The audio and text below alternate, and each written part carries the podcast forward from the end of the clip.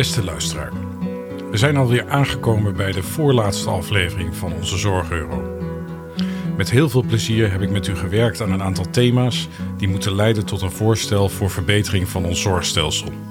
Dat ik in de laatste aflevering van onze Zorgeuro met u wil bespreken. Voor deze aflevering maak ik een uitstapje naar Denemarken. Ik stap uit de vissenkom van ons stelsel en neem een duik in de onderwaterwereld van het Deense zorgstelsel. Kijken of het in deze wereld beter zwemmen is dan in onze eigen kom. Daarvoor heb ik gesprekken gevoerd met een aantal Deense collega's en uiteraard de voor mij beschikbare rapporten en achtergrondinformatie bestudeerd. Vooral de gesprekken hebben mij geholpen bij het beter begrijpen van het Deense stelsel. Waarom eigenlijk Denemarken? Niet alleen omdat mijn zus daar meer dan twintig jaar geleden heen is geëmigreerd. Het land kent ook een vergelijkbare kwaliteit van zorg als dat in Nederland. In de uitvoering van de reguliere zorg zijn ook veel overeenkomsten te herkennen. Zoals bijvoorbeeld het ver doorgevoerde principe van solidariteit en recht op zorg, het vertrouwen in de huisarts als poortwachter, de kwaliteit van de ziekenhuiszorg, de zorg die via gemeente aan ouderen wordt geleverd en de rol die private klinieken spelen bij het doelmatige uitvoeren van electieve behandelingen. En dit zijn nog alleen maar een klein aantal voorbeelden van een eindeloze reeks van overeenkomsten. Denemarken kent wel een opvallend verschil met ons stelsel.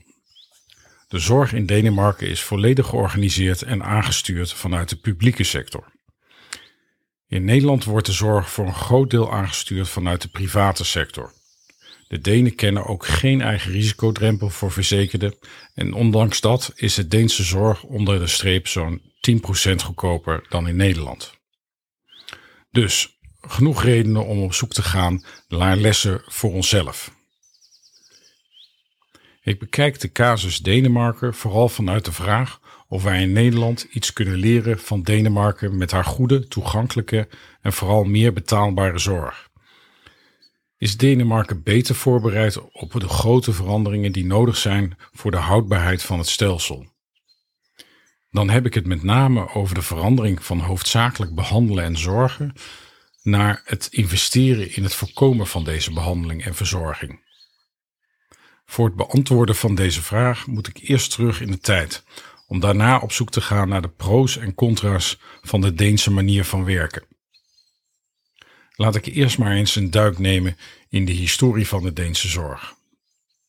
De Denen, anders dan wij, kennen een sterke betrokkenheid van de overheden bij de zorg. Niet alleen bij het stellen van de kaders, maar ook bij de aansturing en de organisatie van het zorgstelsel. Dat heeft alles te maken met haar historie. Gemeenten en regionale overheden in Denemarken hebben, anders dan in Nederland, altijd al het voortouw genomen in de organisatie van de zorg. Dit initiatief van overheden startte al in de 18e eeuw en heeft zich alleen maar doorgezet in de huidige tijd. Tijdens transformaties in de jaren 70 en het begin van deze eeuw zijn een aantal regionale overheden stapsgewijs teruggebracht naar vijf regio's en het aantal gemeenten van honderden naar 98 gemeenten. De regelgevende rol van de landelijke overheid op het vlak van de solidariteit en recht op zorg is daarbij gaandeweg versterkt. De landelijke overheid is nu verantwoordelijk voor het bepalen van de regelgevende kaders en de budgetten voor de regio's en deels voor de gemeenten. Deze regelgever kent daarbij meer vrijheden toe aan de regio's en gemeenten dan wij kennen in onze landelijke regelgeving voor zorgverzekeraars. De regio's zijn verantwoordelijk voor de toegankelijkheid, de kwaliteit en de betaalbaarheid van de zorg. Zij zijn de regisseurs en de financiers van de ziekenhuiszorg en de huisartsenzorg. De regio's ontvangen daarvoor hun besteedbare budgetten van de landelijke overheid en de gemeente. Bij de gemeente ligt de prioriteit bij revalidatie, ouderenzorg, ziektepreventie en gezondheidsbevordering. Maar ook bij de zorg en behandeling van gehandicapten, alcoholverslaafden en drugsgebruikers.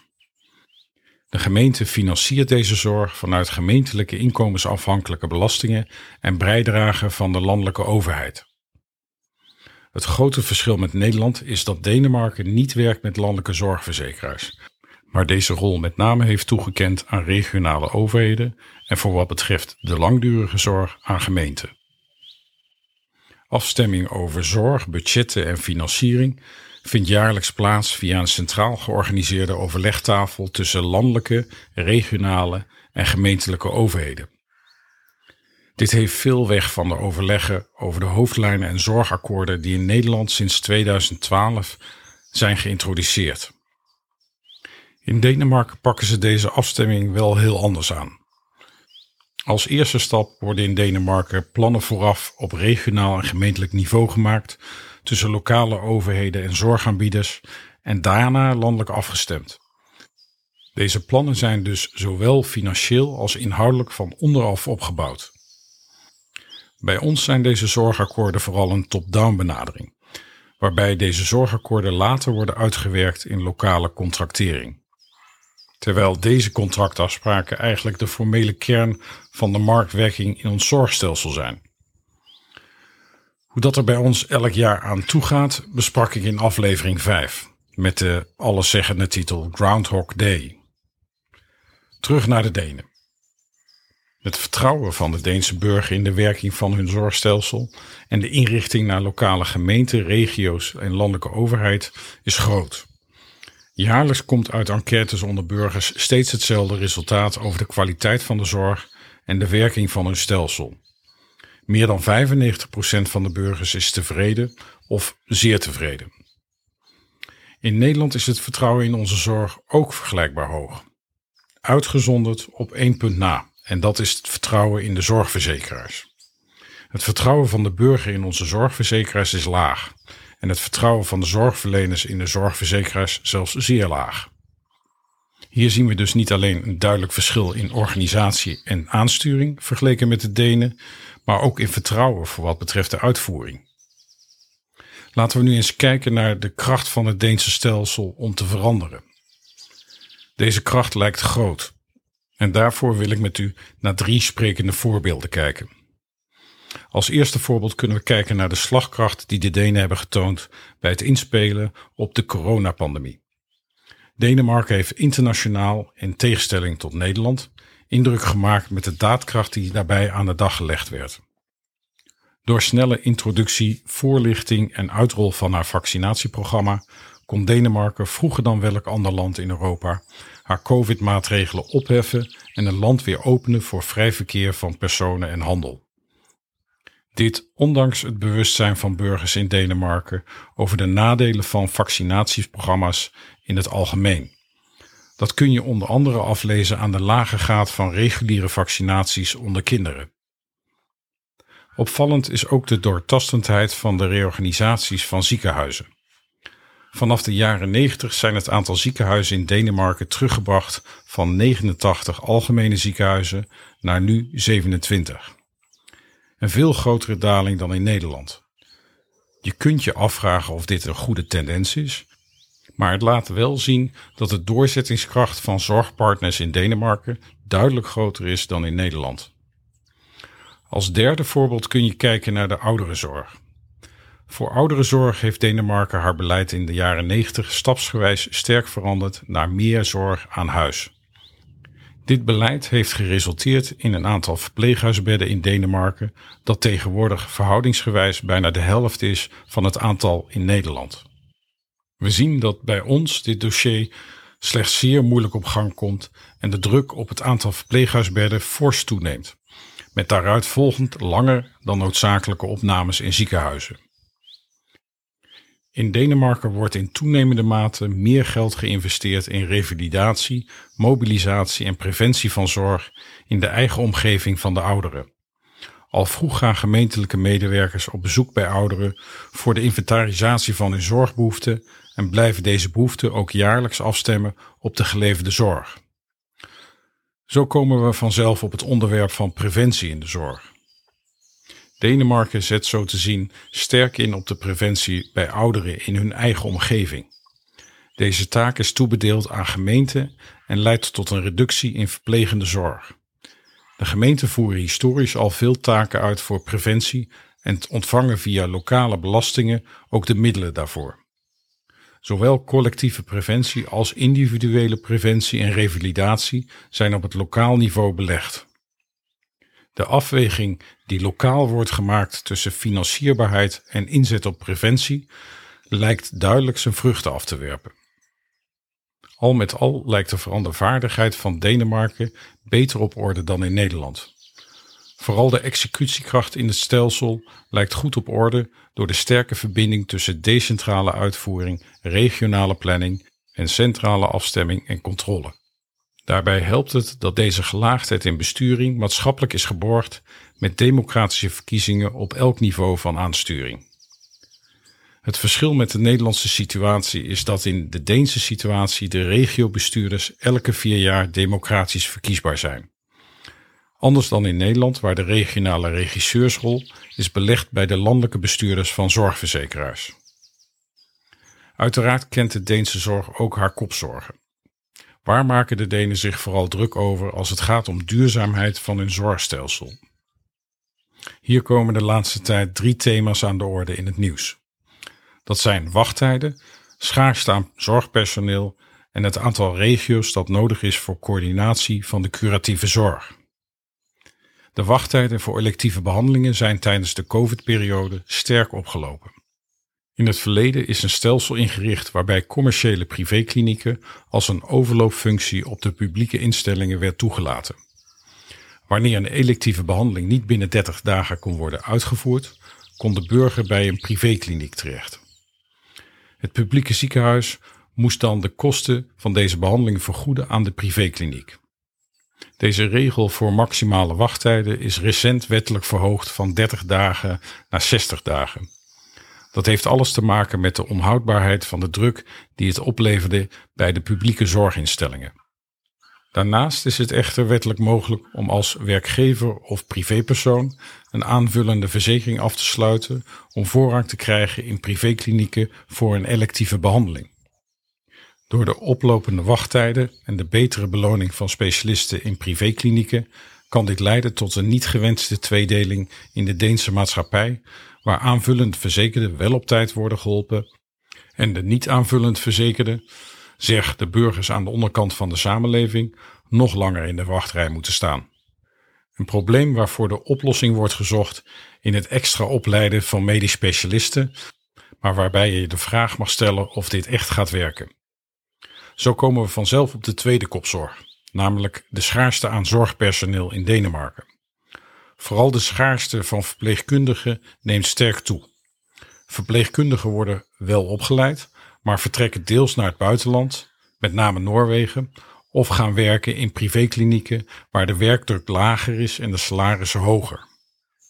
Uit recente rapporten over dit onderwerp blijkt dat niet de hoogte van de inkomens, maar de waardering en de beloning van de verpleegkundigen met aanvullende taken en competenties niet op orde is. Tot slot de discussie over de indeling van de curatieve zorg naar vijf regio's. De discussie over dit onderwerp is ingegeven door de wens om de ongelijkheid in de demografische opbouw van de regio's terug te brengen. Daarmee zou de budgettering en de financiering van de curatieve zorg nog doeltreffender kunnen worden georganiseerd en gespreid. Voorlopig lijkt het er echter op dat deze discussie niet leidt tot aanpassingen naar een minder aantal regionale overheden. Zo zien we dat Denemarken gelukkig ook een aantal stevige uitdagingen kent als het gaat om de houdbaarheid van haar zorgstelsel, waar iedere burger hetzelfde recht op zorg heeft. Maar wat kunnen we na deze duik in de Deense zorg ook leren van de Denen voor wat betreft de betere werking van ons eigen stelsel? Ik zou zeggen vooral de logische opbouw van een centraal gecoördineerde overheid die planning overlaat aan de regionale partners met een lokale uitvoering bij gemeenten en zorgaanbieders. Daarbij is het vertrouwen van de burgers en de zorgverleners in hun eigen inrichting van de zorg cruciaal voor de daadkracht als het gaat om verandering.